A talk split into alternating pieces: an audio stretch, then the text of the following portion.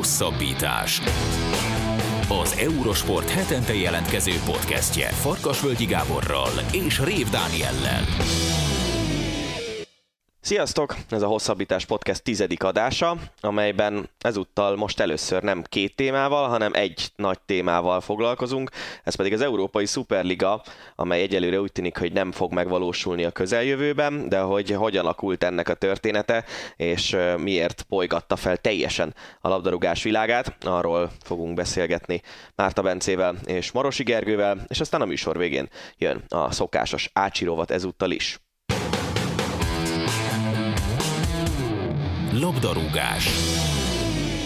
Az elmúlt héten szerintem mindenki, aki minimálisan is olvas sporthíreket, szembe ö, találkozott azzal a hírrel, hogy 12 európai klubcsapat ö, el akarja indítani az Európai Szuperligát, ami nagyjából leváltaná a bajnokok ligáját jelenlegi állapotában legalábbis mindenképpen.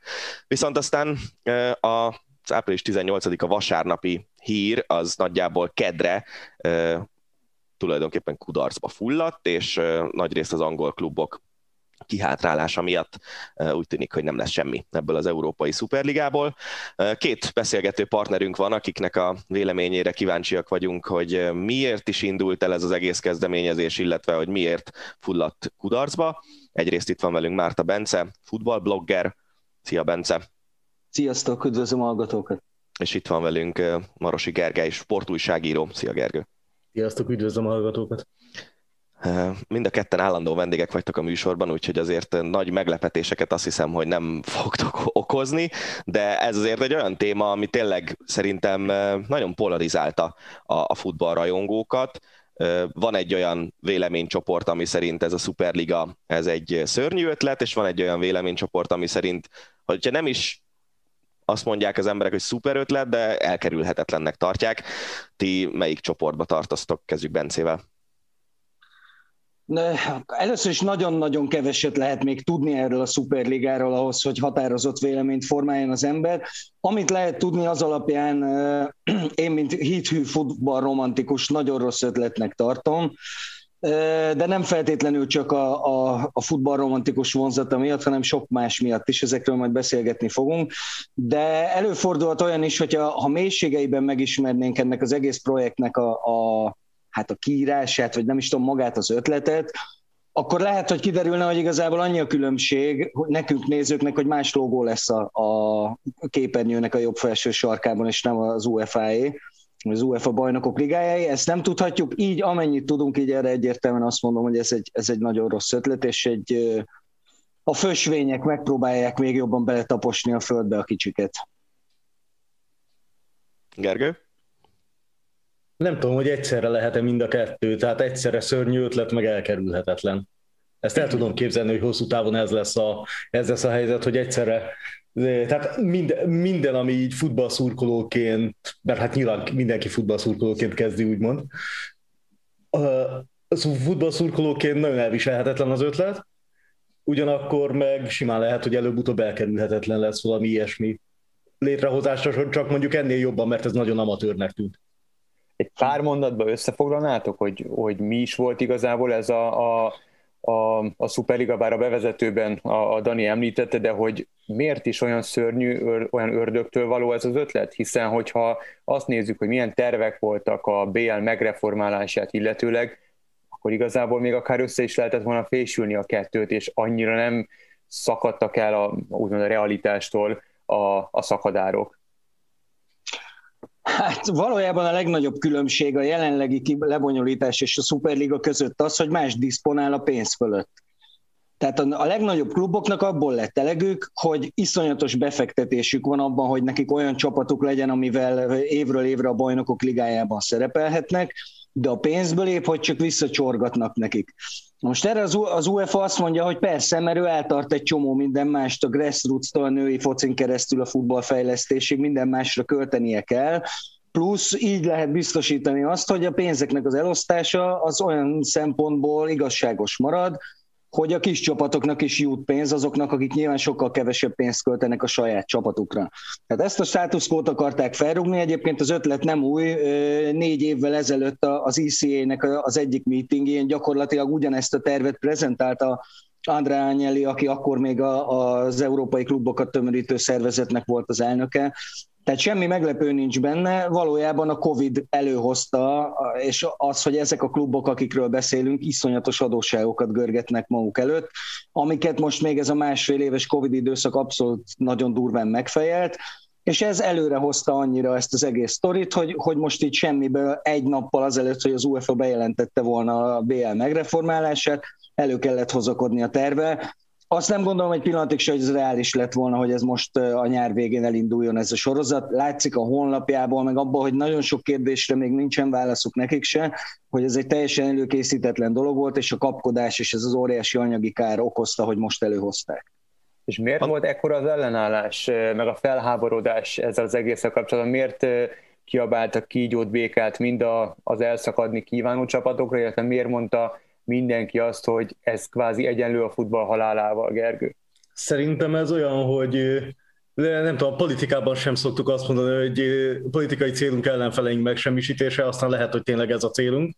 Tehát itt most kimondtak egy olyan dolgot, amit nem szokás kimondani a futballban, hogy mi ezt akarjuk, mi egymás között mi vagyunk a legnagyobbat, ránk kíváncsiak a legtöbben, nekünk van a legnagyobb követőbázisunk, szurkolótáborunk, bármilyen, nem tudom, social media jelenlétünk, nekünk, nekünk vannak a legnagyobb sztárjaink, több pénz kell nekünk, mi egymás között akarunk játszani, és nem mondjuk a Ferencváros vagy a Dinamo Kiev ellen akarunk játszani egy ködös októberi szerdán, vagy kedden.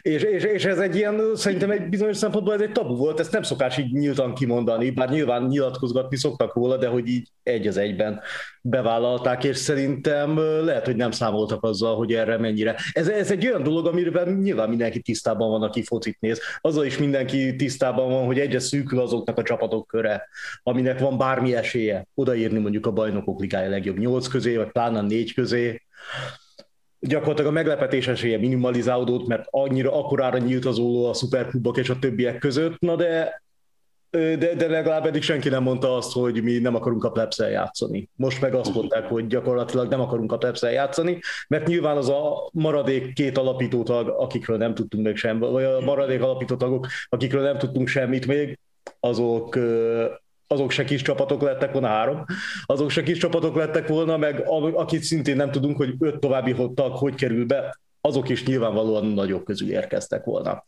És akkor, és akkor előállt egy olyan helyzet, hogy ez így le van zárva, és szerintem a futballszurkolót bármivel föl lehet bőszíteni, akkor az, hogy valamilyen küzdelemsorozatra azt mondják, hogy le van zárva, és zárt az egész és ezzel nagyon nehéz, és bennem nagyon megmaradt, amikor a braziliai foci BB-n beszélgettünk amerikai foci drukkerekkel, akik MLS bérletesek voltak, ami ugye amerikai franchise rendszer, nincs kiesés, zárt liga rendszer, stb. Ennek minden előnyével és hátrányával, és ők mondták, hogy fú, de mennyire jó lenne, ha lenne kiesés.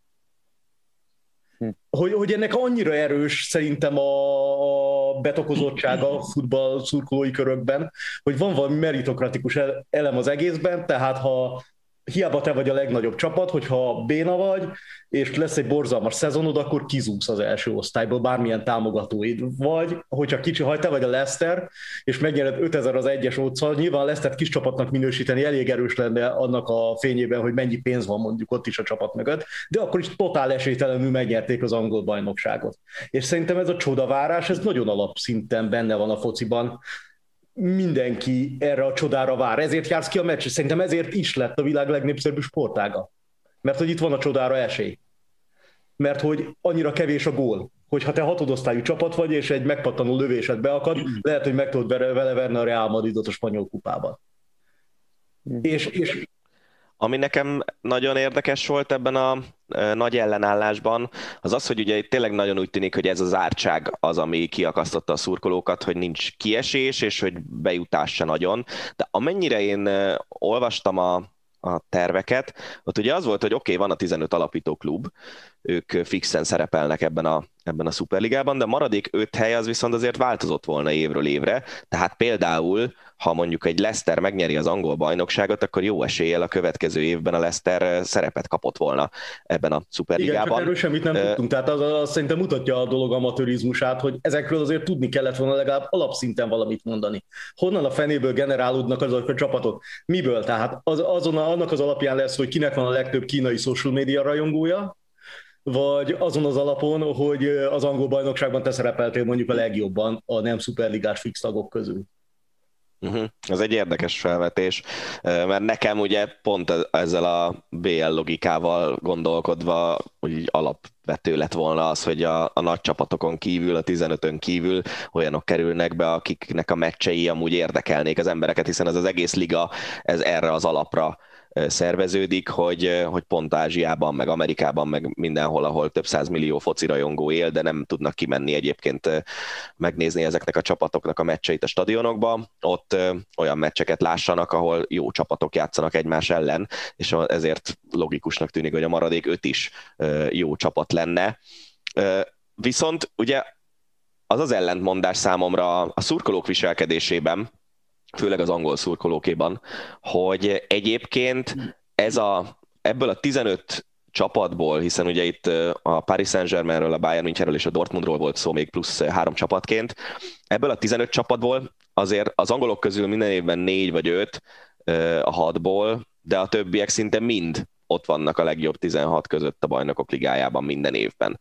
Tehát azt mondani, hogy ez a rendszer ez, ez zárt és ez rossz, ez egy romantikus gondolat, de attól még a valóságtól, amit minden évben látunk, ez egyáltalán nem áll messze, nem Bence? Hmm. Szerintem az embereknek a szemét nem az szúrja, hogy öt vagy hat angol csapat van a legjobb 16 között, hanem az, hogy az Atalanta nincs ott. És inkább az ellen emelnek szót, hogy, hogy az a része a futballnak, amit Gerés kifejtett az előbb, a, a csodavárás, az megszűnik létezni, mert hogyha ki is egészíted mondjuk ezt a 12-15 csapatot másik öttel, azért azok sem a Ferencváros, meg a Cvenezvezda és a Steaua Bukarest lesz, vagy Fecsebe, vagy hogy hívják most őket, hanem azok is olyan klubok lesznek, akiktől már azért nem lenne csoda az, hogy mondjuk eljussanak egy negyed döntőig, vagy elődöntőig, vagy egy olyan csodálatos évben akár a végső győzelemig is, mert ilyesmit is láttunk. A probléma az azzal van, hogy ez kizárja az olyan és nem csak sportszakmai, hanem klubmenedzsment lehetőséget is, amit az Atalanta megvalósított, én nem vagyok Atalanta szurkoló, de gondolom, hogy nem én vagyok az egyetlen, aki fülig beleszeretett ebbe a csapatba és ebbe az egész projektbe. Nem egy hátulgombolós csáva az Atalanta tulajdonosa, egy nagyon gazdag úriember, de úgy építette föl ezt a csapatot, hogy először bejutottak az Európa Ligába. Akkor már könnyebben tudtak igazolni olyan játékosokat, akiknek nemzetközileg is súlya van, és ezekkel a játékosokkal eljutottak odáig, hogy a bajnokok ligájába is bejuthattak, innentől kezdve pedig az Atalanta, talán a BL csapatok közül nem is tudom, hogy hány van, aki ezt elmondhatja magáról, rentábilisan tud üzemek, ö, üzemelni évről évre. Na most ez maga, ez, ez az elgondolás is, ez megy a levesbe a Superligával, mert ez innentől kezdve nem fordulhat elő. Tehát ez nem csak, nem csak egy futballromantikus embert zavar, egy szurkolót zavar, hanem zavarja azt is, aki, aki dühös ezekre a nagy csapatokra, mert mindegyik milliárd eurós adósságokat görget maga előtt évről évre, egyszerűen azért, hogy még nagyobbra és nagyobbra nőjön, mint egy kis gömböc, és emellé még kizárja a játékból azokat, akik normálisan, saját emberi léptékkel és rentábilisan tudnak fejlődni.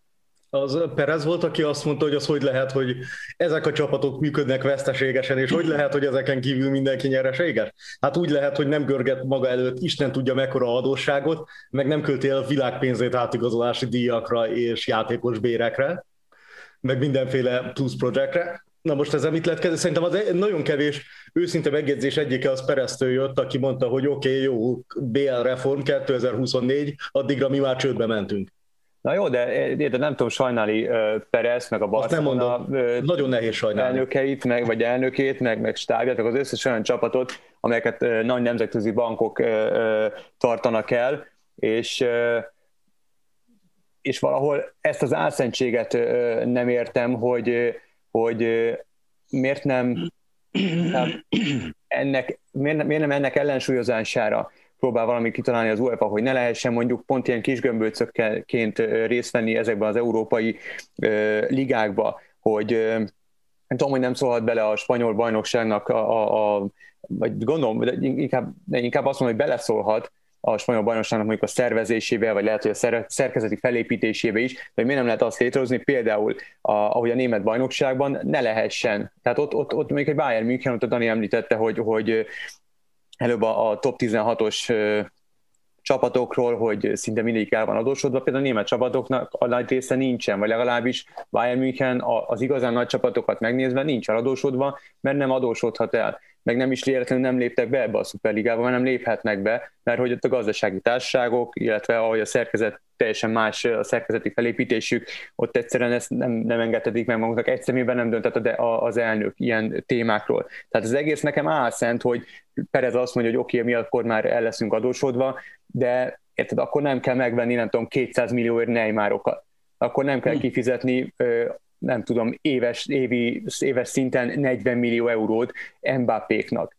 Tehát, tehát szóval én, én azt gondolom, hogy, hogy a nagy BL reform, meg nemzetközi kupa reform helyett valahogy ezt a részét kéne a, akár fizetési plafonnal, vagy bármivel megrendszabályozni, meg valahogy egy kicsit átalakítani, mert valóban lehet, hogy, hogy két, három, négy, öt év múlva nem lesz BL, vagy legalábbis nem lesznek, bár ezt nem viszony nem lesz, nem lesznek Real Madridok, Barcelonák, mert csődbe mennek. Tehát szerintem lehet, hogy inkább erre kéne valamiféle a megoldást találni, és még egy gondolat, a Sky Sportson követtem végig ezt az egész szuperligás kalandot, és a Crystal Palace elnöke, ezt közben olvasom, ezt direkt leírtam magamnak is, résztulajdonos, a Steve Perry is hívta fel a figyelmet arra a tényre, hogy a következő BL kiírás során a nagy csapatok teljes kalappénzből már a sorozat kezdése előtt 30%-nyit vesznek ki. Csak a történelmük meg az előző éves eredményeik miatt. Tehát igazából ez sem korrekt. De korrekt. De korrekt. korrekt. És azért korrekt, mert őket, ő, ugye, bocsánat, egy kicsit messzebbre indítom a választ. Ugye Ányelli, aki a Juventus elnöke most még, adott egy hosszabb interjút itt ennek a dolognak a földbeállása után, és abban nagyon-nagyon érdekes számok voltak.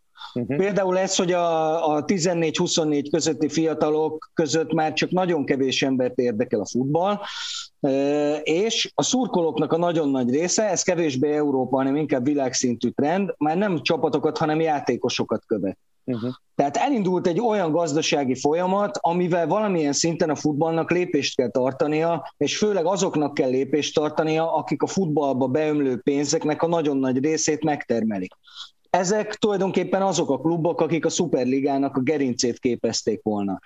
És ne felejtsük el azt se, hogy euh, amíg az Atalantát az előbb pozitív példaként hozzuk, ugye Ányeli egy korábbi nyilatkozatában negatív példaként hozta, hogy itt van a BL, felépült, nagyon sok pénz van benne, nem az Atalanta miatt, hanem azért van benne sok pénz, mert játszanak benne ezek az óriási klubok, és akkor az fair dolog el, hogy oda jön az Atalanta, és learatja a gyümölcsét ennek az egésznek úgy, hogy tök maga befektetése, már mint ezekhez a nagyobb klubokhoz képes nyilván. Egyrészt. Másrészt maga az egésznek a, a, a gazdasági felépítését pedig ugye, tehát engedjük el azt is, hogy az angolok a szurkolók miatt léptek vissza, de hogy is a szurkolók miatt egyszerűen Cseferin pénzt adott nekik, vagy valamit felajánlott nekik, hogy lépjenek vissza, mert lehetett tudni, hogy nélkülük nincs semmi, és azt is lehetett tudni, hogy azért nem a spanyolokhoz meg az olaszokhoz ment, mert ők nagyon akarták ezt. Az angolokat meg lehetett billenteni egy kis pénzzel, úgyhogy ennyi történt ebből az egészben, úgyhogy maga a futballromantika az így négyünk között és a szurkolók oldaláról megvan, de egyébként a labdarúgást a pénz irányítja, és a, a, a maga az, hogyha valamit a pénz irányít, akkor az ott elég logikus folyamatok követik egymást, hogyha ezt elfogadjuk, hogy mindent a pénz irányít.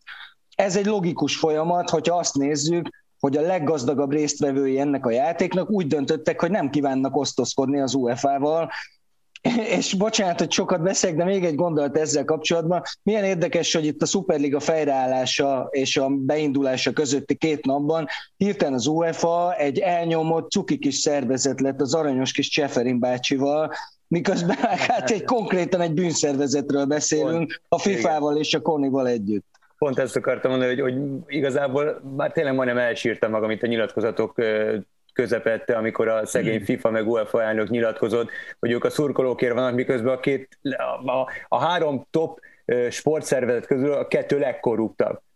Csak a, a, Nem, a NOC azért... csak azért nincs benne, mert, mert nincs benne a, a, a foci bizniszben ilyen szinten. Azért itt a, a nemzetközi birkózó súlyemelő, meg a környező szövetségeket se hagyjuk ki a buliból. Hát pénzben kiskutyák, de korruptságban hát, nem igen. biztos. Viszont, hogyha Bence mondani valójára visszautalok, hogy a pénz irányít mindent, akkor az hogy létezik, hogy eljutottunk 2020-21-re oda, hogy tényleg ezek a klubok abszolút eladósodtak. Leginkább amiatt, mert iszonyatosan nagy részét költik el fizetésekre a, a bevételeiknek. Tehát egy, egy gazdasági társaságnál ott ugye van egy könyvelő, vagy kontroller, vagy akárki, aki ezeket a balanszokat megteremti, és nem engedi azt, hogy egy gazdasági társaság eladósodjon. Most az oké, okay, hogy van nekünk Manchester city meg chelsea meg Paris Saint-Germainünk, ahol ugye keleti üzletemberek hivatalosan, vagy sejkek, vagy, vagy oligarchák a, a tulajdonosok, és gazdaságilag nem különösebben érdekli őket az, hogy mennyi mínusszal szállnak ki ebből a buliból, mert más céljai vannak az ő befektetéseiknek. Viszont azért egy, egy Real Madridnál, egy Barcelonánál az a sok millió eurós vagy milliárd eurós adósság az összejött valahogy, és ezeknél a kluboknál azért a, a klub tagoknak igen komoly beleszólása van a mindennapokban, olyannyira, hogy ugye most például nem tudom, egy hónapja vagy mikor választották meg a Barcelona elnökét a klubtagok. Na de, a klub, na, na, na de a klubtag az mit akar? A klubtag az Neymart akarja. Tehát én, én szerintem, szerintem Akkor is, hogyha öt év múlva a klubja beleáll a földbe?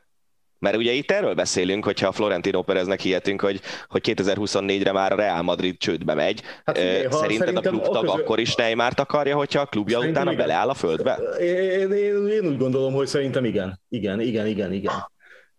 Ő sztárokat akar, ő a klubja státuszát akarja megőrizni. Tehát egy Real Madrid szurkolónak, Real Madrid szurkolónak szerintem szerintem az nem buli, hogy nem tudom, a kiemelkedően jó gazdálkodással elértük a hetedik helyet a spanyol bajnokságban mondjuk.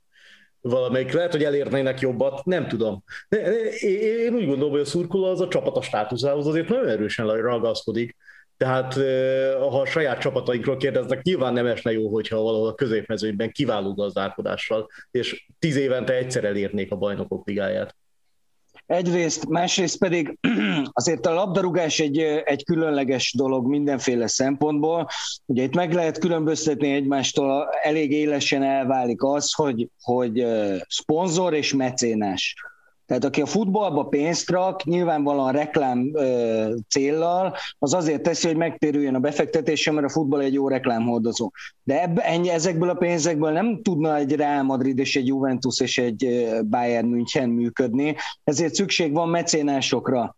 A futball, tehát ez, ez kiderült ezerszeresen, sikeres topklubot nem lehet rentábilisan üzemeltetni, egyszerűen azért, mert nem jön vissza belőle annyi pénz klubszinten, messze-messze nem jön belőle vissza annyi pénz, mint amennyit bele kell ölni ahhoz, hogy, ahogy Gergő is említette, Neymarok és Messzik játszanak a csapatodban, mert pedig a szurkolók ezt akarják.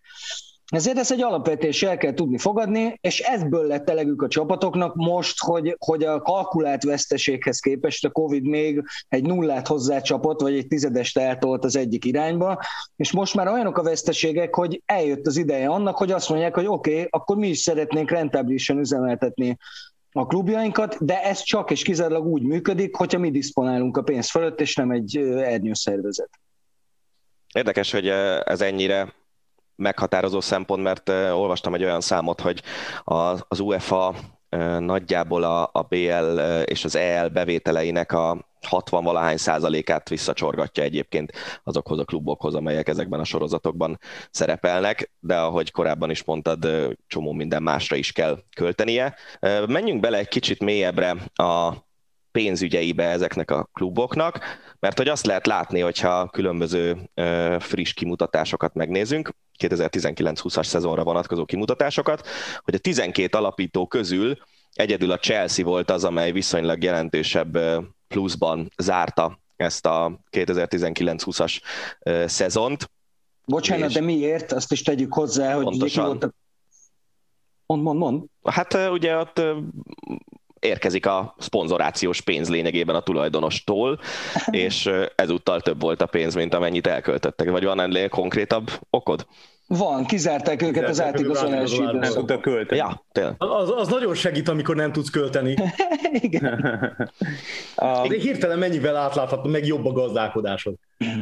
És amikor a Manchester City-t zárják ki, meg a Paris Saint-Germain zárják ki, és mégis megkerülik ezeket a kizárásokat, meg a pénzügyi fair play szabályzatot, arról nektek mi a véleményetek? Mert szerintem egyébként ennek az egész felfújt buboréknak, amiről itt én akartam számokat mondani, hogy szinte minden klub éves szinten 100 millió eurós tartozást halmoz föl. Van olyan klub ebből a 12-ből az AC Milán, amely többet költ fizetésekre, mint amennyi bevétele volt ebben a szezonban, tehát a bevételeinek a 108%-át költötte el fizetésekre, és akkor még egyéb működési költségekről nem is beszéltünk. Csak meg egy pillanatra megállni, hogy ez, ez a, tehát ami, ami, ami nálam abszolút kiverte a biztosítékot, hogy, hogy játékosok álltak oda a mikrofon végre, és, és szitták a klubtulajokat, és a rendszert, és mindent, és kapzsisággal vádoltak mindenkit, itt most nyilván nem általánosítok, de a játékosoknak óriási szerepe van abban, hogy ez az egész foci ide jutott, mert érted, emlékszem arra, hogy amikor az egész Covid kirobbant, akkor azt hiszem pont a Barcelona játékosok, és biztos volt egy pár másik ilyen sztárcsapat is, lázadtak fel az ellen, hogy lemondjanak, uram Isten, 30%-kal a fizetésükről, és nem akarta, abban nem mente be, hogy csak 70%-ot kapjanak meg. Tehát ha már kapcsisággal vádoljuk a klubtulajokat, a játékosok ugyanúgy benne vannak abban, hogy ez a rendszer idáig fajult. Nyilván nem mindegyik, de igazán top játékosok, akik nem hajlandóak 40 millió ö, dollárt, eurót, fontot, akármiért sem aláírni egy évre, azok ugyanolyan vastagon benne vannak ebben az egész balhéban, ami kialakult, mert pont ugyanolyan kapzsik, mint a klubtulajok meg az elnökök.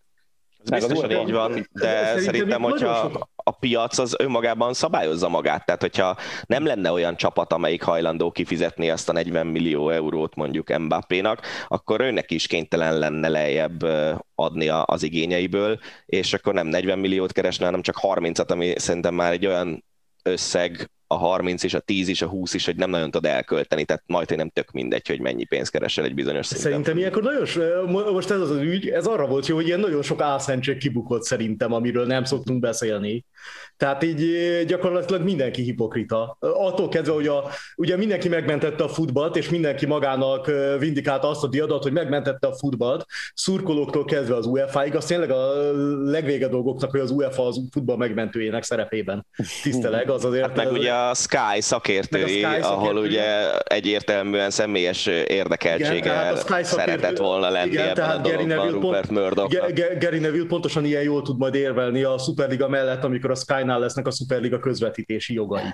Nem pedig egy 5 perces virális kirohanást intéz, hogy milyen elképesztő. Az a, az a Neville, aki egyébként azért lett ennyire híres gazdag, és lett ilyen pénze, mert közben megalakult a Premier League, ami mondjuk ki, hát azért nagyban, el, nagyban hozzájárult ahhoz, hogy erre felé tart a foci. Mert nem mondták, hogy hogy ahhoz is hozzájárult, hogy egy ilyen képességű játékos ennyi pénzt kereshetett. bocsánat. Hát, ja, de azért ott, ott Nevilék nem is nem volt, hanem Kereger azért ott mondtak igazságot is nagyon sokat, tehát azért az is érdekes, hogy az angol kluboknál, a, ha megnézzük, akik, akik úgymond szakadároknak nevezték őket, tehát egytől egyik külföldi a tulajdonos ha már az UEFA szóba került, és itt ez a, a, a hipokrita hozzáállás, akkor azért ne felejtsük el azt se, hogy, hogy nagyon furcsa módon Michel Platini rossz politikusként elkezdte beváltani az ígéreteit, és az ő UEFA elnökösködése alatt azért valóban történtek lépések arra, hogy legalább egy kicsit kiegyenesítsék magát, magát az asztal. Na most az a szegény drága UEFA, amit most mindenki annyira sajnált, és a futball megmentőjének szerepében tetszeget, az az elmúlt három évben semmi más nem csinált, csak nyírbálta ezeket a szabályokat, úgyhogy végül semmi nem maradt belőlük, és akkor ott van a Financial Fair Play, amit tulajdonképpen azzal a nagyon is nemes célral hoztak létre, hogy ezt a státuszkót, amiről beszéltünk eddig, ezt megszüntessék, és ne történhessenek meg ezek a dolgok, ez pedig konkrétan a nevetség tárgyává vált. Tehát én, aki matekból végig bukdácsoltam, Faga, te biztos emlékszel, én is ki tudom számolni, hogy hogyan lehet, akkor nem kiskapuk vannak, hanem tátongó kis szakadékok, amikbe a klubok szépen be tudják csatornázni azokat a bevételeiket és azokat a kiadásaikat, amik miatt a Financial Fair Play értelmében büntetést kellene kapniuk. Úgyhogy nevetséges, nevetséges ez az egész, és valóban, tehát akár onnan nézzük is, nem jó ötlet ez, de lehet, hogy mégis ez az egyetlen ötlet, ami, ami működőképes lehet.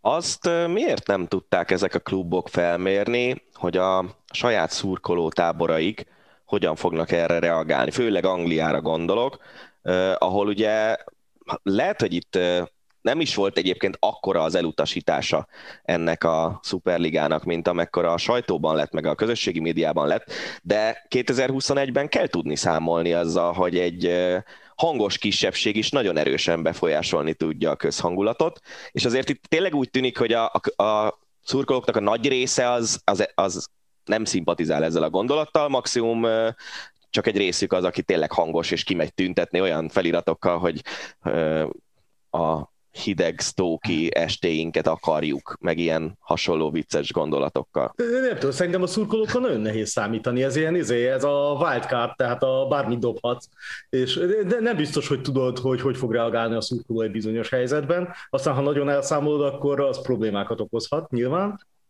Hát de egy nagy létszámú közvéleménykutatást azt azért nem olyan nagyon sok pénz megrendelni egy ilyen ezer fős mint ami nagy, nagy létszámú közvéleménykutatáson alapult. Szerintem, szerintem, szerintem pont magasról le a szurkolót szerintem alapvetően.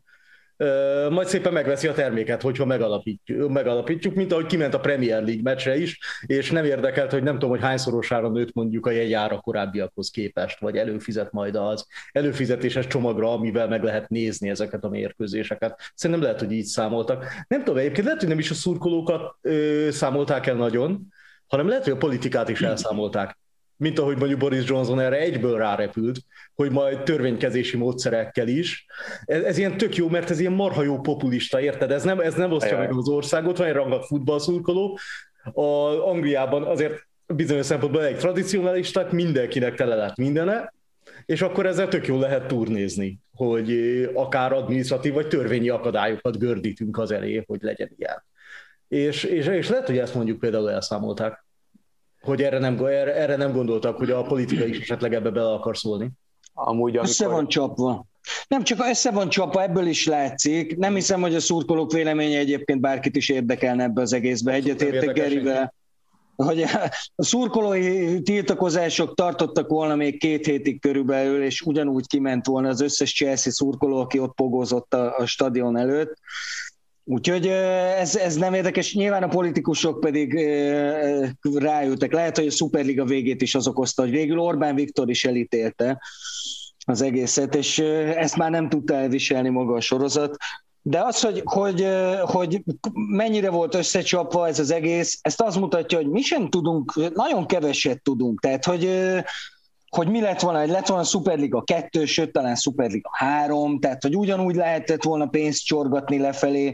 De, de ilyen kérdés, ki lett, kik lettek volna a játékvezetők?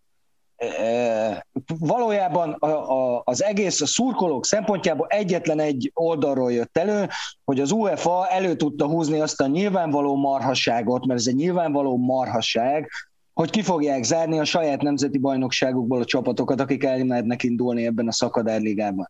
Ezt Ennek... kérdezni, hogy ezek a, ezek a beígért fenyegetőzések, büntetések, ezeket, ezeket be tudta volna váltani bárki is? Tehát kimaradni a válogatottból, kizárni a BL-ből, kizárni a hazai bajnokságokból a, a szakadárcsapatokat, ezek életbe léptek volna? Ah, ezer százalékát. Gondolj bele, a saját termékedet gyengíted azzal, hogyha nem engeded a VB-re meg az EB-re a világ legjobb játékosait, hát a legnagyobb hülye lennél. A kluboknál pedig most Olaszországban nagy pesgés van, hogy büntessék meg a három szakadár csapatot, de közben meg, ha kizárnák őket, mennyit, mennyivel esne a szériának a közvetítési összege, amit szétosztatnak egymás között? Hát senkit nem érdekelne a szériá. Egy példa erre 2006-2007-ben a Juventus a széria B-ben játszott, meg triplázódott a nézettsége a széria B-nek, és iszonyú komoly pénzeket fizettek a közvetítési jogokért külföldön. Egy csapat miatt. Oké, okay, hogyha nem, lehet, nem lehetett ezeket a, a büntetéseket, szigorításokat, mindent beváltani, ígéreteket beváltani, akkor miért léptek vissza a csapatok? Mondod, hogy pénzt kaptak az angol csapatok, ezt, ezt honnan tudtad, vagy honnan lehet hallani ilyenféle plegykákat, mert nyilván, nyilvánosságra nem hozták ezt a hírt. Hát nyilván sosem fogjuk megtudni, hogy volt-e valamilyen pénzügyi ösztönző. Az angoloknál egyébként szerintem, mintha az lenne a bajnoki szabály, vagy liga szabályzatban, hogy föl vannak sorolva, hogy milyen ö, sorozatokban lehet elindul, elindulni, és abban benne van, hogy UEFA szankcionált a sorozatokban lehet elindulni. Tehát, tehát nem lehet ilyen szakadár izébe belépni közben, és ez alapján lehet, hogy lehetett volna szankcionálni, de amit, amit Bence mond, az totál, tehát most ez olyan, hogy a, nem tudom, azzal, próbál, azzal próbálok meg kemény gyereknek tetszelegni, kimegyek a csatatérre, majd én magam lemészárlom az elit egységemet, hogy milyen jó vagyok. Uh-huh. Tehát ez, ez, ez, szerintem nem igazából, nem tűnik egy racionális stratégiának. Fogjuk, igen, kirakjuk innen az összes nagy csapatot, nagyon jó, és akkor a következő évben mondjuk a televíziós társaságok, azok tolongani fognak nyilvánvalóan a, nem tudom, Atalanta Olimpik Marseille mérkőzés közvetítési jogáért. Nem. Nem hinném. Nem valószínű. Tehát itt nagyon nehéz olyan fenyegetéseket előhozni szerintem, amit, amit bárki be tud tartatni tényleg nem tudom, hogy hogy lehet. Az le, azt lehet, hogy elképzelhetőnek tartom, hogy az, e- ha az EB-ről nem is, de mondjuk a Katari VB-ről kiszórni, de hát akkor is, akkor is olyan jön a közvetítő társaság, hogy hello, tehát én meg szeretném, hogyha nem tudom, Messi vagy Ronaldo még ott lenne a pályán. Mert hogy nélkülük azért nem az igazi ez a dolog. És nyilván a játékosokkal. Itt azon gondolkozom, hogy itt egy ilyen alapvető bizalmi válságot viszont teremt ez az egész. Tehát most már aztán garantáltan tényleg senki nem bízik semmi. A szurkoló minek bízna a klubvezetésben, mert a klubvezetés a büdös szó nélkül megmutatta, hogy ők pont le vannak ejtve, majd megveszitek a merchandisingot, és körülbelül ennyi a szerepetek. A játékosok, most kérdez, a játékos ott játszol, és aztán bejelentenek egy ilyet, majd elkezdenek fölötted keménykedni, hogy te honnan leszel kizárva. Közben te játékosként nem csináltál igazából semmit. Az edzők ugyanígy, ugye ők sem voltak beavatva, sőt Mádini mondta, hogy még az őszintjére sem szivárgott le a dolog a Milánnál. Igen. Amiben Mádin mint sportigazgató? Sportigazgató? Sportigazgató. Igen. Azért az erős, amikor a sportigazgató nem tud egy ilyenről. Hm. Hogyha igazat mond. Nyilván feltételezve, hogyha mindenki igazat mond. Akkor ezek után ezeknek a kluboknak, meg, az, meg a szervezeteknek egymással kellene tárgyalni. Most képzeld el azt a jó hangulatú tárgyalást, amikor leül az UEFA Perezzel. Vagy Anyellivel. Vagy ezek így egymás között eladsz egy játékost, és elkezdesz tárgyalni ezekkel a klubokkal, akik szépen mondjuk a Angliában nagyon hörög az összes klub, ami nem volt benne.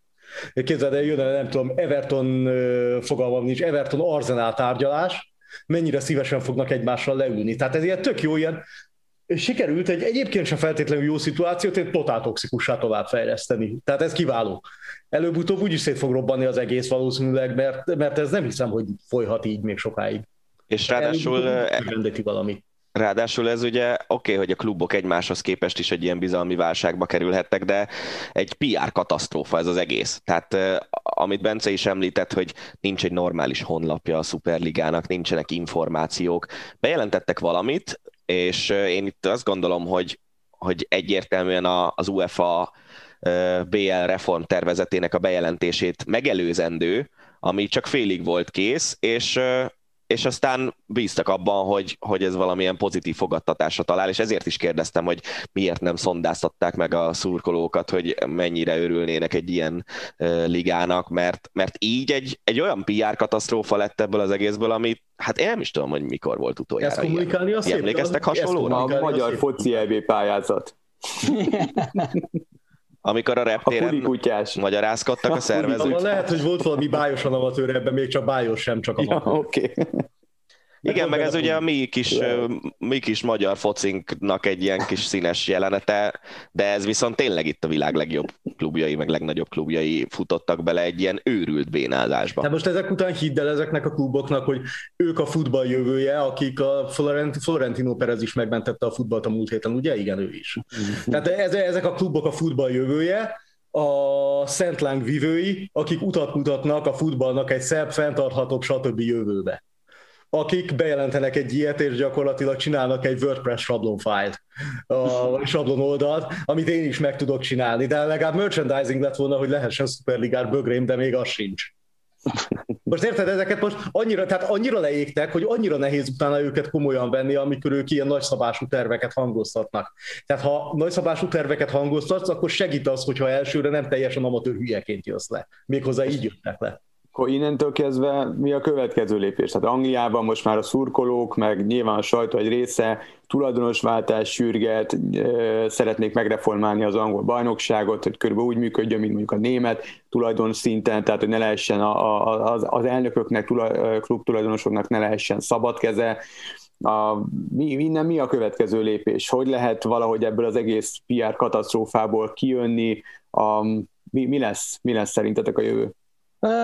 Nem vagyok gazdasági szakember, de hogyha igazak azok, amiket sejteni lehet, akkor a, a szuperligában résztvevő vagy oda vágyakozó klubok, és még mellettük másik, a többi nagy klub, olyan hihetetlen gazdasági problémákkal küzdenek, hogy ha nem lesz szuperliga, akkor tényleg előfordulhat, hogy lesz közöttük, amelyik beleáll a földbe. Hát ne felejtsük el, hogy itt a klubok közül azért a Juve most már csak az idei évről 120 millió eurós veszteséget görget maga előtt. Az Internek meg kellett beszélni a játékosával, hogy nyárig a fizetésekre haladékot adjanak, tehát olyan szintű problémát a Barcelonát meg hagyjuk is. Most megjelent ugye nem olyan régen egy táblázat valamelyik ilyen mértékadó oldalon, hogy melyik klubnak mennyi az adóssága, és mindenki ez olyan nem is olyan kevés, vagy nem is olyan nagyon sok. Hát igen, de azok csak a rövid távú és lejáró tartozások voltak. A teljes összegek azok ilyen milliárd eurók. Valami 5,5 Tehát... valami milliárd fontot görgetnek ezek a klubok, amik benne lettek volna maguk igen. előtt. Úgyhogy a Liverpool például nincs benne. Tehát azért az... A Barcelonánál is azt hiszem volt olyan decemberben vagy januárban, hogy nem jött fizetés. Azt Jó, igen, tehát nyilván nem az van, hogy izé Messinek innentől kezdve a Tesco gazdaságos fetát kell vennie a boltban. Tehát erről azért, erről azért viszonylag kevés szó, de, de, de teljesen mindegy, ennek ellenére milyen, hogy egy ekkora klubnál mondjuk csúsztatni kell a fizetést, mert akkora közvetlen anyagi problémák lehetnek. Igen. Tehát magának az egésznek azt többször elhangzott tőlünk, hogy amatőr, amatőr, és hát látszik itt az egésznek a, a, a kommunikációjából, hogy, hogy ez össze van csapva, és egyszerűen olyan helyzet alakult ki, hogy az a dolog, amit két év múlva teljesen simán előkészítve, aláírva, szerződésekkel megtámogatva el lehetett volna indítani, azt most kellett, mert olyan a helyzet gazdaságilag bizonyos kluboknál, itt azért a Juve-t szokásra fő kolomposok között emlegetni nem véletlenül, hogy, hogy, hogy, hogy muszáj volt egyszerűen elindítani, és ugye az is látszik, ugye pár nappal korábban Ányeli lemondott a Nemzetközi Klubszövetségnek a, a, a vezetői posztjáról, sőt kiléptette a Juvét is. Ugye erről még kevesebb szó esik, de ugye nem tudjuk, hogy, hogy ott milyen dolgok történtek, de maga ez, hogy itt most mindenki játsza ezt a haragszomrádot, ez azért nem véletlen. Tehát az látszik, hogy a klubok, ezek a szakadár klubok pár nappal korábban még Cseferin arcában mosolyogtak, hogy milyen szuper lesz a BR reform, holott ők már pontosan tudták, hogy egy nap előtte be fogják jelenteni. Ugye Ányeliről ez volt, aki egyébként Cseferin lányának a keresztapja, csak mondom. Igen. ez, ez amúgy egy nagyon érdekes mellékszál, hogy Következő viccelődünk azzal, hogy UEFA maffia, de hát ez, de egyébként, hogy Agnelli Cseferin lányának a keresztapja. Keresztapja. Engem totál egy keresztapa filmre emlékeztet, tehát amikor így megpróbál mindenki nagyjából racionális érvek mellett, egymás mellett élni valamennyire, mert mondjuk mindenki tudja, hogy annyira azért nem nagy, hogy le tudja dózerolni az összes többi uh, ringbeszálltat, majd egyszer csak egyrészt kirobban valami, másrészt ez már személyes. Tehát én azt érzem, hogy amikor hogy ez már valamilyen szinten személyes is lett például Cseferin részéről, és amikor ez már személyes, akkor a racionalitásnak hirtelen sokkal kevesebb szerepe van, hanem matracokra vonulunk, kivesszük a dobtáros géppisztolyt, és elkezdünk tüzet nyitni mindenkire. Szóval, szóval ez ilyen, hogy azt hinni az ember egyébként tényleg, hogy ilyen magas szinte azt mondod, hogy tök higgadt, racionális, gazdasági vedet, nagyon kiszámolnak mindent, aztán ez gyakorlatilag ez az egész, az indítása, meg a reakciók is minden afelé hat, hogy elfelejtsd az ilyen illúzióidat, hogy itt a racionalitás üzemelteti ezt az egész üzletágat. Azt leszámítva, azt leszámítva, hogy az egy teljesen racionális rettegés, hogyha nem történik valami, akkor ezek az óriás klubok, amik tényleg a világ legtöbb embert érdeklik, lehet, hogy elkezdenek beleállni a földbe. Azt viszont nem tudjuk, hogy, azt viszont nem tudjuk, hogy mi lesz akkor. Tehát egyébként rosszabb lenne a futball, hogyha nem lenne mondjuk Real Madrid? Hát akkor nem, de akkor nem. Bayern hiány. Rosszabb lenne a futball a Real Madrid. Persze, hogy rosszabb lenne, de ezek kellenek Persze. ezek a csapatok. Kellenek ezek a igen, igen, tehát ezt mondom, hogy ugye az ember így hajlandó káron venni, hogy te magatoknak főztétek. Álljatok be a földbe. Nem érdekel. Kezdjétek újra a spanyol, nem tudom, ötből. Majd úgy valamikor.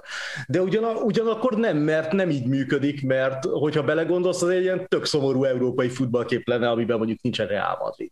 Persze. Kijött ez a BL reform egy nappal azután, hogy bejelentették a Superligát, és itt ugye 36 csapatos bajnokok ligájáról van szó, és arról, hogy itt is azért a legnagyobbak inkább egymás ellen játszanának, mint egy olyan hagyományos csoportkörben, mint ahol eddig zajlottak a meccsek, és, és aztán lenne valamiféle rendszer kialakítva, ami alapján a legnagyobbak ugyanúgy benne lennének valószínűleg a legjobb 8-ban, meg a 16-ban, mint ahogy eddig is benne voltak. Bence, szerinted ez nagyon nagy különbség a, a Superliga tervéhez képest? Hát óriási különbség, mert maga a lebonyolítása magasról tesz mindenki. Nyilván az UEFA-nak, tehát amit ki lehet ebből hozni, tulajdonképpen azt ezzel kihozza. De a kluboknak nyilván nem a lebonyolítással volt a bajuk, hanem az, hogy nem náluk csenget a zseton, amikor megérkezik. Innentől kezdve valójában, ha azt nézzük, a nagy klubok számára olyan marha nagy változás nem hoz a dolog, Nyilván az ellen már a játékosok elkezdtek szót emelni elég hangosan, hogy, hogy, hogy rengeteg a meccs. És ugye, ugye a földbe állt a Superliga, mielőtt egyáltalán a játékosok kimondhatták volna, hogy ott meg még több lett volna a meccs, és így is már Ugye Guardiolának a szavaira érdemes figyelni mindig, és ő mondta, hogy 400 napos évet kell bevezetni, ennyi, ennyit kell csinálni. Tehát nincsen nagy gond, csak 400 nap kell egy évben, és akkor, akkor elviselhetőek lesznek a terhek. És igen, ez egy olyan dolog, amiről kevesebbet beszélünk, mert azt mondjuk, hogy a, ők a színészek, a sónak pörögnie kell, játszanak több meccset, mert azért kapnak ennyi pénzt. Csak közben meg azt felejtjük el, hogy az, hogy ennyivel több futballmeccset kell játszani egy játékosnak, az a teljesítményére is hatással van, a fizikumára is hatással van, pályafutások törnek ketté, és amíg tartanak, addig sem tudják kihozni magukból mindenkit, mert mindenki hullafáradt ettől a cirkusztól. Igazából az így egy elég szomorú mellékkövetkezmény, hogy így egy dolgot látunk, hogy két, do- két dolog biztos nem számít, az egyik a játékos, a másik a szurkoló. Ami elég, ami elég nagy probléma azért, amikor az egész labdarúgás azért van, mert hogy játékosok játszanak és szurkolók nézik. Tehát enélkül, enélkül nincs üzlet. És akkor ez a kettő egy ilyen totál, nem tudom, feláldozható, meg majd kimennek, játszanak, azok meg majd kimennek és szurkolnak. És nem tudom, hogy ez adott lesz, adott lesz mindig. Ez egy nagyon érdekes filozófiai kérdés, de ebbe most nem fogunk belemenni. Srácok, nagyon szépen köszönjük, hogy részt vettetek ebben a beszélgetésben. Marosi Gergővel és Márta Bencével beszélgettünk az Európai Szuperligáról. Ácsi. A hét legérdekesebb hírei. Ez a hét sem múlik el Ácsi rovat nélkül, tudjátok, ez az a rovat, amelyben az elmúlt hét legérdekesebb híreit mondjuk be címszavakban, és hogyha valamelyik címszó, valamelyik hír kiveri a biztosítékot, vagy megüti az inger küszöbét valamelyikünknek, akkor az a valaki mond egy ácsit, és akkor azt a, azt a hírt egy picit jobban kibeszéljük, úgyhogy bele is vágunk. És hát már megint egy olyan hét, amikor egy egy sajnálatos gyászhírrel kell kezdenünk, elhunyt Monspart Sarolta, az elmúlt héten Igali Dinyána emlék előtt adóztunk, tisztelektünk. Én őszintén szólva nem vagyok egy ilyen nagy tömegsportos, meg, meg tömegfutós arc, konkrétan gyűlölök futni. Viszont amikor Monspart Sarolta bekerült a, a nemzet sportolói közé tavaly, akkor is megjelent a, honlapunkon egy, egy emlék, vagy nem emlékezés, egy, egy őt dicsőítő cikk, és most pedig egy emlékezés is megjelent Kálmán Lacitól. Mindenki, aki kapcsolatban volt, vagy akinek a, akár csak a Monspart Saroltának a tevékenysége valamilyen szinten érintette az ő életét, ő, ők ilyen nagyon durva szeretettel és, és és tisztelettel beszéltek róla, úgyhogy én személyesen nem tudok erre igazából mit mondani, de azok, akiknek azért adok a véleményére, azok tényleg nagyon, nagyon mélyen tisztelték őt, úgyhogy nyilván a, bárki hal meg, az sajnálatos dolog, de, de azt mindenképpen sajnálni lehet, hogy mondjuk Monspart Sarolta csak egy három évet, azt hiszem volt a, a nemzet sportolója, vagy szűk egy évet. Na, menjünk akkor tovább labdarúgás. Tottenhamtől menesztették José mourinho Ez igazából nem a múlt héten történt, hanem lehet, hogy a múlt héten, de... de, azt hiszem, hogy pont az, azokban a pillanatokban az nap, amikor történt, a... amikor fölvettük a múlt heti adást. Igen, igen, igen, és pont a Superliga a igen. Ki, kiabálása vagy bevezetésével berobbanásával egy napon menesztették Murinyót. A 86 meccs, 45 győzelem, 11 döntetlen, 24 vereség. Szerintem egy tolmástól nem is rossz. Előjött a Barcelona drukker. Um, mondhatjuk szerinted, hogy, hogy Mourinho kiégett? Nagyon régóta nincsenek Fogalmam igazából sincs. eredményei. Tehát az a baj, hogy, hogy nem... Az Inter az, ami, ami tényleg valamire való komoly eredmény. Az a baj, hogy, hogy nem látunk bele szerintem annyira mélyen ezekbe a, ezekbe a dolgokba, hogy, hogy erről konkrétabb véleményt tudjunk mondani. Én sose szerettem Murinyót, tehát én nekem ugye Mourinho úgy jelent meg a, a képben, a, miután a Portóval nagy sikereket ért el, hogy azt hiszem először volt a Chelsea-nél, aztán a Realnál, aztán az Internél, tehát úgy, úgy rémlik, hogy a, igen, mert a, a Chelsea-nél volt az, amikor odavitte a portóiakat, Paulo Ferreirát, meg Ricardo Carvalho-t, meg, meg ezeket a, a portóból szerzett játékosokkal volt tele a Chelsea egy ideig. Szóval Chelsea edzőként még nem volt vele bajom, ugye Reál edzőként sokkal jobban képben voltam a tevékenységével, és aztán utána Inter, Internek volt az a szezonja, amikor BL-t nyert Mourinhoval, és ott az elődöntőben a Barca ellen egy olyan borzalmasan nézhetetlen taktikával tudta a Barszát, a Guardiola féle gyönyörűen játszó Barszát kiejteni, hogy, hogy az, az végkép, az az ilyen utolsó utolsó szög volt a, a Mourinho koporsójában a lelkemben. Szóval én, én nagyon nem szeretem Mourinho-t, nyilván most az ember nem feltétlenül kívánja azt, hogy, hogy valakit rúgjanak ki az állásából, mert az, az senkinek se kellemes, bár azt hiszem, hogy Mourinho azért némi nyugdíj takarékossággal rendelkezhet, de nem, nem fogom sajnálni, na. A, érdekes, hogy a, a következő év is 29 éves edző Ryan Mason irányítja majd a csapatot az idei végéig, ő a legfiatalabb játékos, aki, illetve szakember, ki valaha edzői megbízatást kapott a Premier League-ben, még egyszer 29 esztendős, Pochettino alatt játszott a csapatba, koponyatörés miatt visszavonulni kényszerült. Én szeretem az ilyen történeteket, amikor fiatal edzők oda kerülnek, és, és lehetőséget kapnak, mert én nem gondolom azt, hogy, hogy ne tudna valaki egy olyan szaktudással rendelkezni, akár 29 éves korára, hogy, hogy ne lehetne belőle jó edző. És ugye van egy csomó példa arra, hogy fiatal edzők milyen szép sikereket érnek el, mondhatjuk akár nagelsmann meg, meg kézilabdában is Berlinben van egy 20 valahány vagy 30 év körüli edző az egyik legjobb német kézilabda csapatnál, úgyhogy szerintem ezzel nincsen probléma. Egy picit evezzünk hazai vizekre. A Budafok két hírrel is képviselteti Szerintem az egyik a Zalaegerszeg.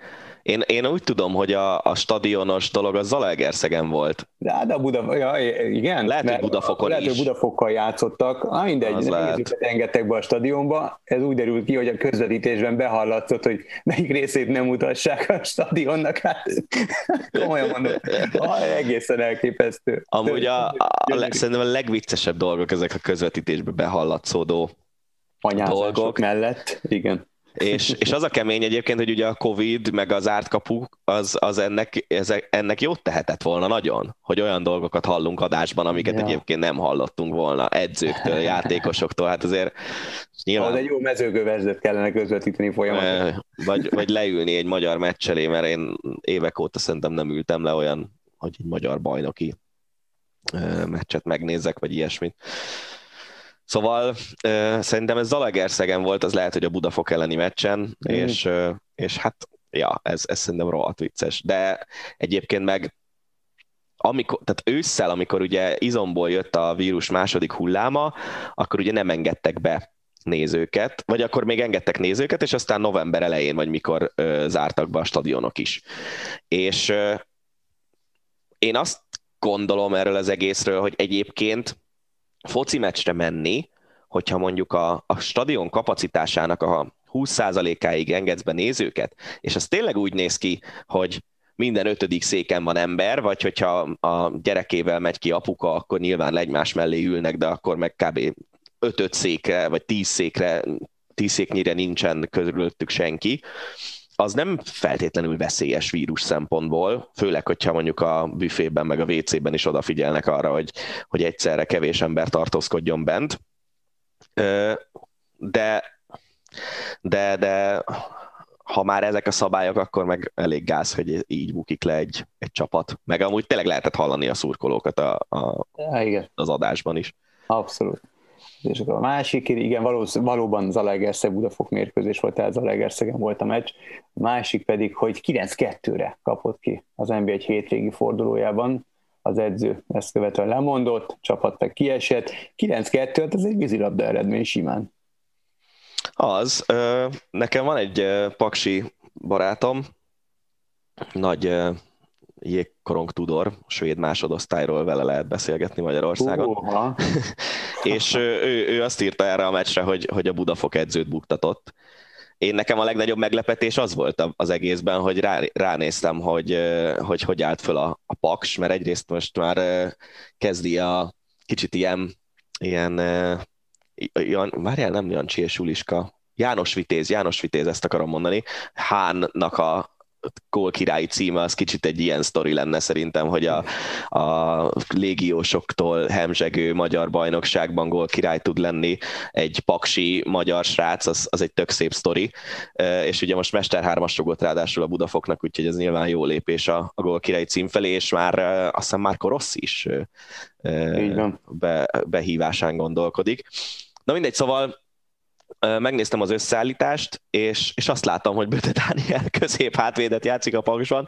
Már régóta azt játszik. Igen, de én ezt nem tudtam, mert ugye hát ennyire érdekel a, a magyar ja. foci, de ez nagyon vicces, hogy, hogy nem tudom, emlékszel arra, hogy Juhász Roland is közép csatárként kezdte a hogy pályafutását az Hogy elején, és aztán ő viszonylag nem hamar ö, nem lesérültek a, a hátvédek a csapatban, még szerintem lehet, hogy Lőrinc Emil játszott akkor 40, 40 körül, és, és lesérültek a középhátvédek, és akkor Juhász Rolandot hátra rendelték, és ott ragadt, és elég szép sikereket ért el azon a poszton. Igen, jó és most öregkorára a Böde is hasonló utat járt be, hogy a, hogy a középcsatárból középhátvéd lett. Én nem tudtam, hogy ő középhátvédet játszik, és nagyon rögtem magamban ezen a dolgom, mert hogy nem annyira tudtam elképzelni, de hát ezek szerint nem játszik nagyon rosszul, hiszem a Paks valami negyedik a bajnokságban, vagy valami egészen elő, elő, elő áll.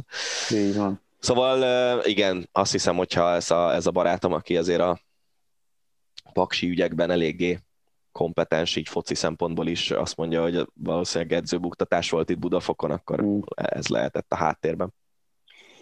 Nálam olyan nagyon nem verte ki a biztosítók, hogy nem ütötte meg az inger küszöböt, de azért bemondom, 2023-ban Magyarország rendezi az U17-es foci ebét, Szerintem Magyarországon a, a stadionépítési láznak ez az eredménye, hogy lényegében minden évben megrendezhetünk egy ilyen UEFA utánpótlás tornát viszonylag nagy költségek nélkül és, és magas szinten. És szerintem ez nem baj egyébként, hogyha, hogyha már ezeket a stadionokat közpénzből megépítette az ország, akkor, akkor legalább használjuk őket valamire. Callum Stiles, a Barnsley 21 éves középpályás a magyar válogatott is lehet, nagyszülei révén, lehet akár ukrán is, vagy angol, majd ő választ, azt mondta, hogy teljesen mindegy, bármelyik válogatottban ezer örömmel játszana. Na, fura, hogy, hogy egy időben nem, én azért vettem föl ezt a hírt a, a repertoárba, mert egy időben igazából hallani sem akartunk ilyen távolra szakadt magyar felmenőkkel rendelkező játékosokról, nem volt igazából a honosítás, abszolút egy nem ismert fogalom volt a magyar labdarúgó válogatott életében, de az utóbbi időben azért egyre inkább próbálunk e felé is menni, legalább azt lehet, hogy én gondolom rosszul, és, és azt nem tudom, hogy Callum Styles-ra szüksége van a magyar válogatottnak, mert és itt hát, tényleg az van, hogy nem tudom. sorba érte állítólag. Jó, hát. én nem hallottam még erről a játékosról. Nyilván, hogyha ő mondjuk egy angol középcsapatban kezdő lesz, és, és jól játszik, akkor szüksége lesz rá a magyar válogatottnak. Én nekem ezzel nincsen igazából nagy bajom. Én ugye a hokit sokkal jobban szerettem a focinál, ott, ott ez teljesen normális volt, sőt, ott ugye olyan szinten honosítottak játékosokat, hogy azt hiszem, hogy olyan szabálya van az IHF-nek, hogyha két évet eltöltesz egy ország bajnokságában, vagy egy ország klubcsapatában, mert ugye a, például a Fehérvár már évek óta az osztálybajnokságban játszik, de, de hogy, hogy két évet kell eltölteni mondjuk Fehérváron egy légiósnak ahhoz, hogy, és magyar állampolgárságot kapnia, de hát ezt nyilván megkapják mm. ezek a Persze. sportolók, ahhoz, hogy, hogy szerepelhessen az adott ország válogatottjában, és, és a magyar hoki válogatottnak rengeteg pozitívuma származott ebből, hogy, hogy voltak légiósok, akik fölfelé húzták a magyar játékosokat is.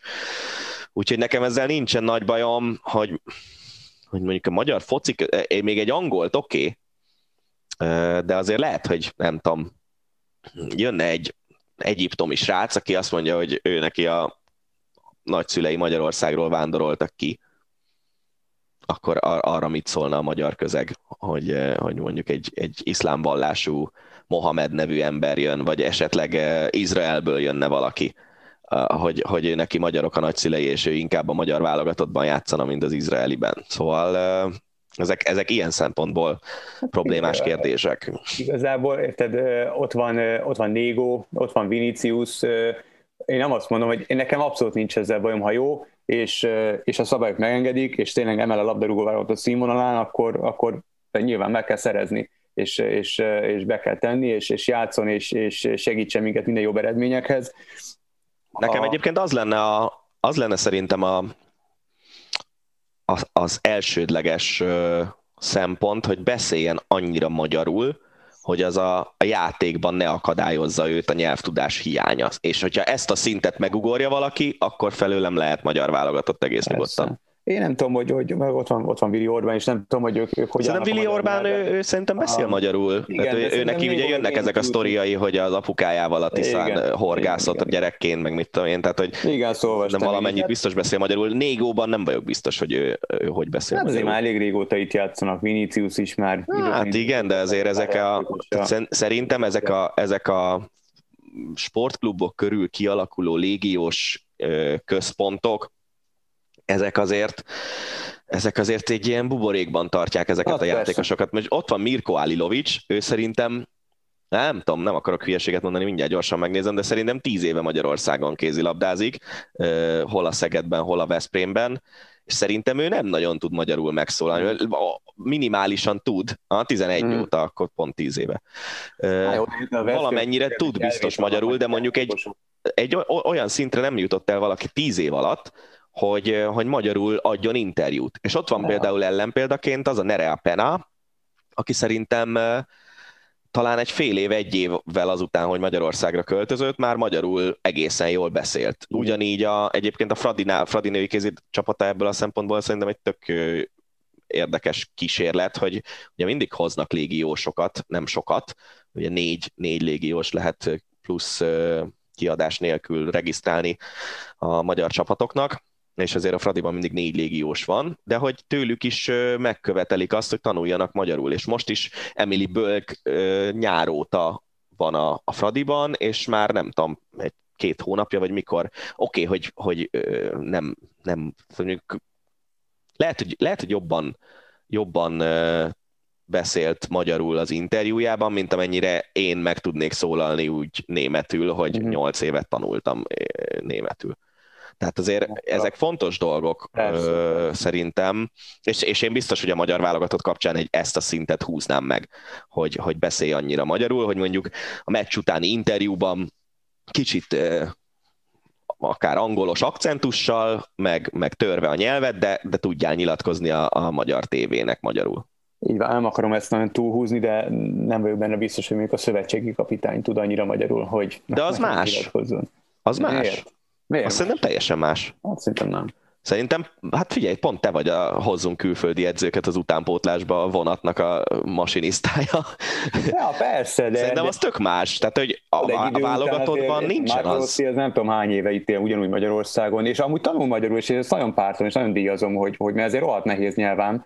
Én ezt nagyon díjazom, hogyha ha valaki megpróbál a, megtanulni azon a nyelven, ahol éppen dolgozik. Szerintem Úgy, ez, ez, le a kalappal előtte. Ez, ez is fontos, mert nyilván neki is, hogyha legalább megtanulja a foci szaknyelvet annyira, hogy, hogy tudjon kommunikálni a játékosokkal, azokkal, akik esetleg nem beszélnek idegen nyelveket, uh-huh. az, az is fontos. De szerintem egy szövetségi kapitány, tehát nem, nem követelmény a szövetségi kapitány felé, hogy, hogy ő pályára léphessen a, a FIFA szabályai szerint az adott válogatottban, amit tény, irányít. ez tény, Tehát persze. én ezért gondolom azt, hogy ez Mm. teljesen más, és, és ezért is gondolom azt, hogy a, a lehet játékosokat honosítani, de de azok valamennyire legalább Mhm. legyenek magyarok, ha már egy magyar válogatottról beszélünk, Ezt mondjuk adom. akinek egy olasz szövetségi kapitánya van. Ezt adom. Egy elegáns húzással levezzünk át a Szigetországban. Családon belüli erőszak miatt vádat emeltek Ryan Giggs ellen. Velszi futball legnagyobb legendájának nem ez volt az első balhia, de kétségkívül ez az eddigi legkomolyabb, és a válogatott éléről is menesztették. Ez elég kemény. Hát igen, ezek szomorú hírek. Ugye erről már beszéltünk, nem is tudom, Deshaun Watson kapcsán, azt hiszem, két hete talán. Igen, de csak egymás között beszéltünk, nem volt benne az ácsiba, mert Ja, én úgy emlékeztem, hogy benne volt. Hát raktuk igen, benne. ezek, ezek tényleg szomorú dolgok.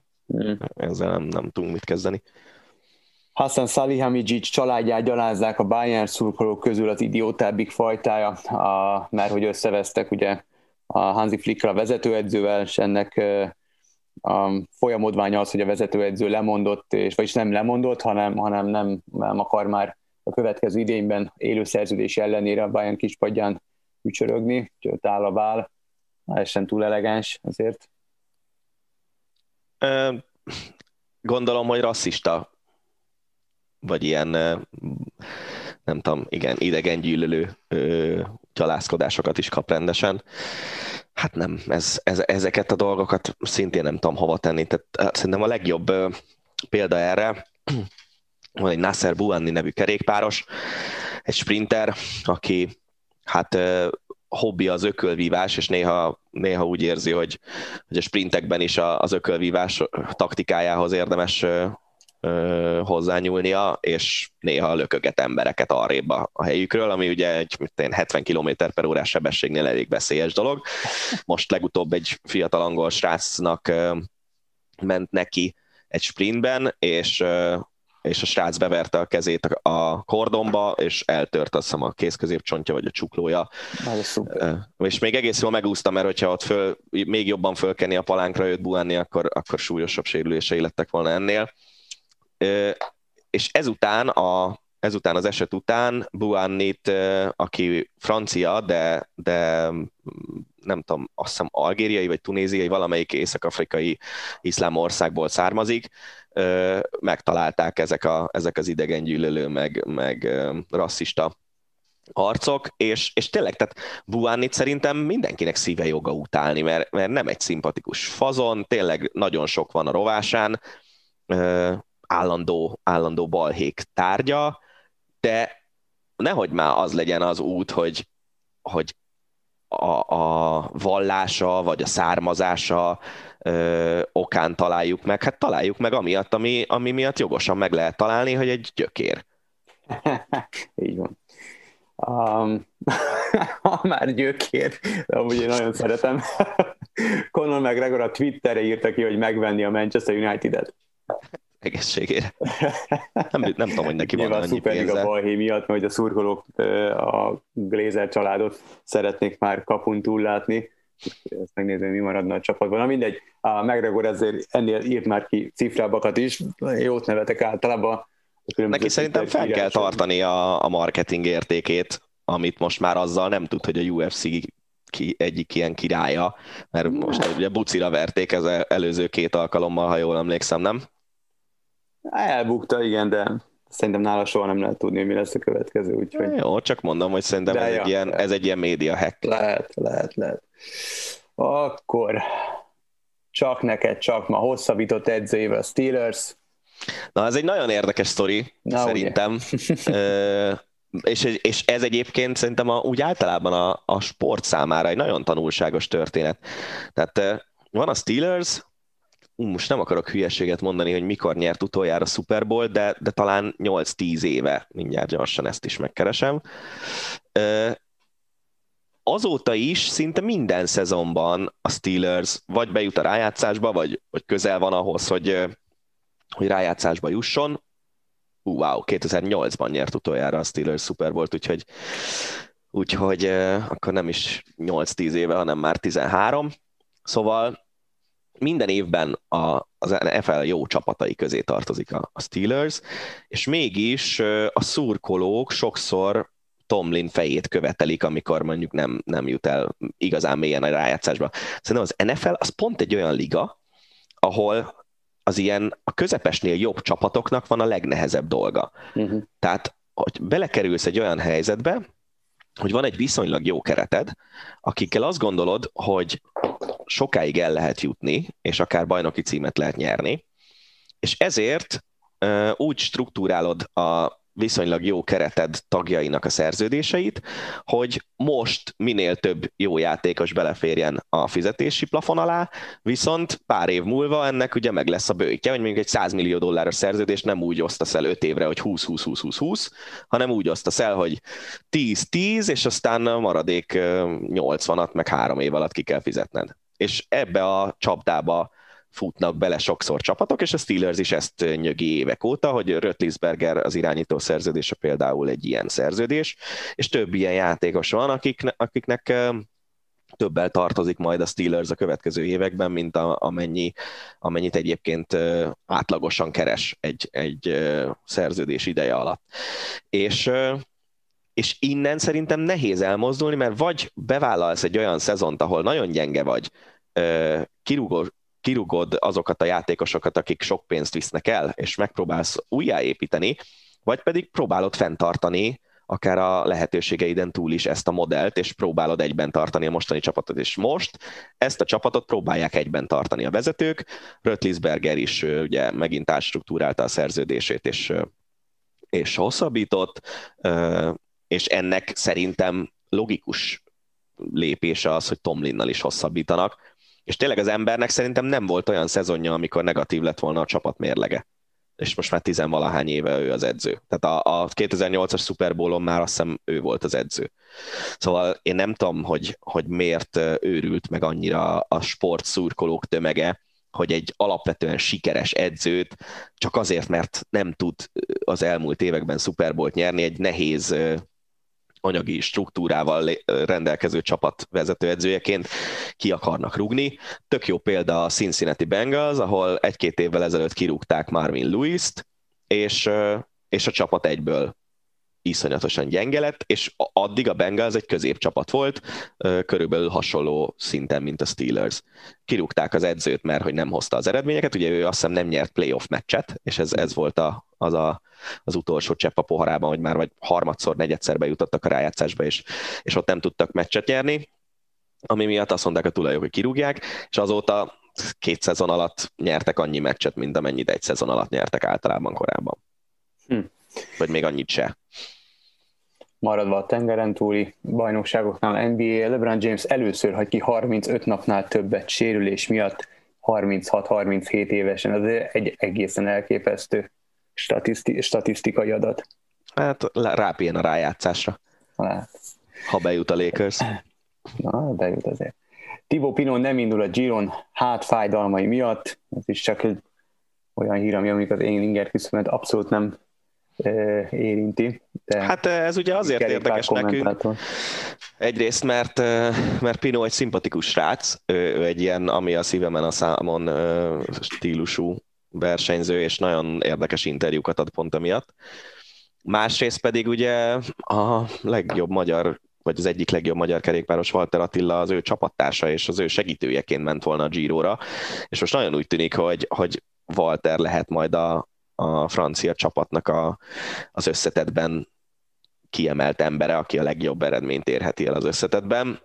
Aztán meglátjuk, hogy ez az összetett legjobb eredmény, ez, ez pontosan hogy fog kinézni, meglátjuk, hogy milyen célokkal vág majd neki Atti ennek a, a Giro-nak így, de, de még az is lehet, hogy megkapja a csapaton belül az egyes rajtszámot, ami ugye mindig a, a kiemelt versenyzőnek jár, és azért ez egy elég komoly dolog lenne így 22-3 évesen, mm. és a, a második három hetesén. Egy kis snooker, második fordulóban esetleg címvédés, hatszoros VB győztes. Ronny O'Sullivan, nézel a snooker VB-t? Nem. Nem, oké, okay, hát akkor ennyit erről. De várjál, Na. azt akarom mondani, hogy múlt héten ugye beszélgettünk Bugával a, a snooker VB-ről, és ő megmondta, hogy szerinte Roni nem fog sokáig jutni, úgyhogy itt most szeretnék egy ilyen gratuláló üzenetet küldeni felé, hogy ezt szépen megjósolta, és a, az általa végső győzelemre jósolt Kyren Wilson pedig bent van a negyed döntőben, úgyhogy ráadásul egy kiemelt Barry Hawkins már legyőzte, és most jön az a Neil Robertson, akiről szintén azt mondta Buga, hogy, hogy jó lehet a, a VB-n, úgyhogy ez Igen, egy izgalmas negyed döntőnek tűnik. így van, így van. Akkor mi van még? Zengő Motorsport négy autóval indul a VTCL sorozatban. Ha Lantival beszélgetnék, akkor ő, ő nála ez biztos, hogy komolyan... Nála, nála az Ácsi rovat az ebből állna, egy fél órás monológ következne. Szerintem ez, ezért az a baj, hogy itt ugye az ember mit mondhat egy podcastben és mit nem, de hogy azért mindenféle dolgot hallani a magyar autósportról, hogy, hogy a finanszírozása az hogy néz ki, és, és tényleg nem tudom, hogy most erre hogy van pénze az engőjéknek, mert ugye ők, bocsánat, minden évben anyagi problémákkal küzdenek, és emlékszem volt ez az év, amikor a két fiatal magyar srác ment a, a Seatokkal, vagy Kuprákkal, nem tudom, hogy éppen hogy hívták az autót, a VTCR-ben, ahol ilyen pontszerzéseket is épp, hogy el tudtak csípni, hogy most hogy lett annyi pénzük, hogy négy autójuk van, és hogy spanyolok indulnak, ugye Ascona és Zsené, egy, egy baszk, meg egy, spany- meg egy katalán, szóval az egy érdekes, érdekes dolog, de hát biztos találtak valami olyan spanyol szponzort, aki, aki beszáll és finanszírozza ezt a plusz két autót. És a végére uh, hagytunk egy olyan hírt, ami nagyon is, mondom őszintén, nálam elérte az inger küszöböt. Ez a Burján Kata uh, 24.hu-nak adott interjúja, hogy hogy nem jutott ki a Rio olimpiára, miközben, miközben megúszta a, a szintet, és ott lehetett volna, és kvázi elvettek tőle egy olimpiai indulást. Szerintem ezt meséld el egy kicsit, mert ez, ez egy érdekes téma tényleg, hogy miért. Igen, hát igazából egy, ez egy olyan sztori, hogy Burján Kata 2016-ban kijutott a Riói olimpiára, ugyanakkor nem indulhatott, mert György Rékát indított az olimpián, az akkor még Gyárfás Tamás vezette Magyar Úszó Szövetség úgy, hogy megumbuldáltak egy, egy Budapest Open névre hallgató tornát, amelyen megúszhatták azok az úszók, akiknek nincs szintidejük a szintidőt. György Rékát kvázi az atlétikában ismert nyullal úsztatták, egy olyan medencében, más nem vett részt a versenyen, és végül most egy kicsit előreugrok, nyilván megúszta a szintet, és és kijutott az olimpiára, Púrián annak ellenére, hogy megvolt a szintidén nem jutott ki, és kvázi azt mondták neki, hogy a, ő kvázi a feláldozható szerepét töltötte be, és egy embert feláldoztak azért, hogy négy kiúszhasson. Nyilván ez most dióhéjban kvázi ennyi nem, körülbelül. Uh, egészen döbbenetes, és egy nagyon mély és őszinte interjú, hogy, hogy, hogy milyen lelki válságba került a, a, a fiatal sportoló, aki most amúgy megúszta megint a szintet, és ott lesz majd Tokióban, és remélhetőleg e, szuper eredménnyel zárja, de szerintem az, hogy kijutott egy óriási elégtétel számára. Um, én azért vettem bele az Ácsiba, mert mert hát egyrészt nyilvánvaló ezt, ezt a, ez a hír az elképesztő, kettő meg nem biztos, hogy nyilván megpróbálunk majd egy kicsit többet is beszélni erről, nem csak az Ácsi rovadban fogjuk ezt a hírt kivesézni. Igen, hát ezek, eh, ezek mindig érdekes dolgok, hogy, és szerintem ez, ez nagyon sokszor előfordul, hogy eh, a bizonyos versenyzők úgy gondolják, hogy ők eh, nincsenek egyenlő mércével mérve másokhoz képest, és nincsenek egyenlően támogatva másokhoz képest. És ez sokszor, sokszor előfordul, sokszor viszont azt is érzem, hogy hogy, hogy a versenyzőnek a személyes szempontjai azok kicsit elhomályosítják a valóság érzetét. De, de hát nyilván ez egy, ez egy elég kemény sztori, amit itt leírtak, hogy, hogy laboratóriumi körülményeket biztosítottak György Rékának, hogy megúszza a szintjét, és úgy úszott jobbat, mint amilyen Burjánnak volt a, volt a, a az olimpiai ászintje. Eh, igen, ez egy nehéz kérdés. Szerintem mind a két oldalt érdemes meghallgatni ebben az ügyben, és akkor megpróbálni dönteni. Köztük csak csomószor van az, és ez már nagyon messzire vezet, hogy valaki A-t mond, valaki B-t mond, és akkor hogy teszel igazságot. Így. Így van. Hát ezek voltak azok a hírek, amelyeket összegyűjtöttünk és csokorba szedtünk. Azért a birkózásról szerintem még Jó, igen, igen, igen, az azt ne hagyjuk ki. Tényleg négy éremmel zárta az Európa bajnokságot a magyar birkózó válogatott. Lőrinc Tamás aranyérmet nyert a kötött fogásúak 77 kg súlycsoportján, Sasti Marianna második lett 62 kg-ban, Rich Robert bronzérmet nyert, Kis Balázs pedig ezüstérmet. Az, ez, egy, ez egy nagyon eredményes, nagyon szép Európa bajnokság, gratulálunk mindenkinek. Igen, én azt nem tudom, hogy én, én úgy tudom, hogy egy csomó grúz vagy, vagy ilyen kaukázusi birkózót honosítottunk, vagy ez Cselgáncsban van? Te tudod nem ezt? Nem tudom, megmondom őszintén nem. Na mindegy, nem. A, a, tényleg az a baj, hogy nálam ezek a sportok egyrészt egybefolynak, másrészt pedig van, van nekem egy kategória a fejemben, a négy évente érdekes sportok kategóriája, és ezek a küzdősportok, ezek tényleg szerintem csak az olimpián érik el a, az emberek inger küszöbét, és én, én is ebbe a kategóriába tartozom, hogy, hogy azért egy EB az egy szép szereplés, meg Lőrinc Tamás azt nem neki már ez a negyedik EB aranyérme a pályafutása során, ami, ami külön egy, egy elég szép teljesítmény, de hát ha az olimpia jól sikerül, akkor, akkor jó, ha nem sikerül jól, akkor meg mit mondott Várasztó Dávid, hogy egy EB ezüsttel Magyarországon kitörölheted a segged? Valami ilyesmit. Valami ilyesmit, ja. Ezekre a sportokra ez szerintem még fokozottabban igaz, mint az úszásra. Tehát akkor tényleg ennyi volt az átsirovat a, a mai hétre. Ezeket a híreket találtuk érdekesnek, és szedtük csokorba. Jövő héten szintén jelentkezünk, akkor is ez átsirovat, meg akkor is lesz hosszabbítás. Mostanra búcsúzunk? Búcsúzunk. Ez a búcsúzunk? Búcsúzunk. Akkor búcsúzunk. Tehát akkor jövő héten is lesz hosszabbítás, tartsatok velünk, tartsatok velünk akkor is, mi itt leszünk. Sziasztok! Ez volt a Hosszabbítás, az Eurosport podcastje. A műsor témáiról bővebben is olvashattok honlapunkon az eurosport.hu.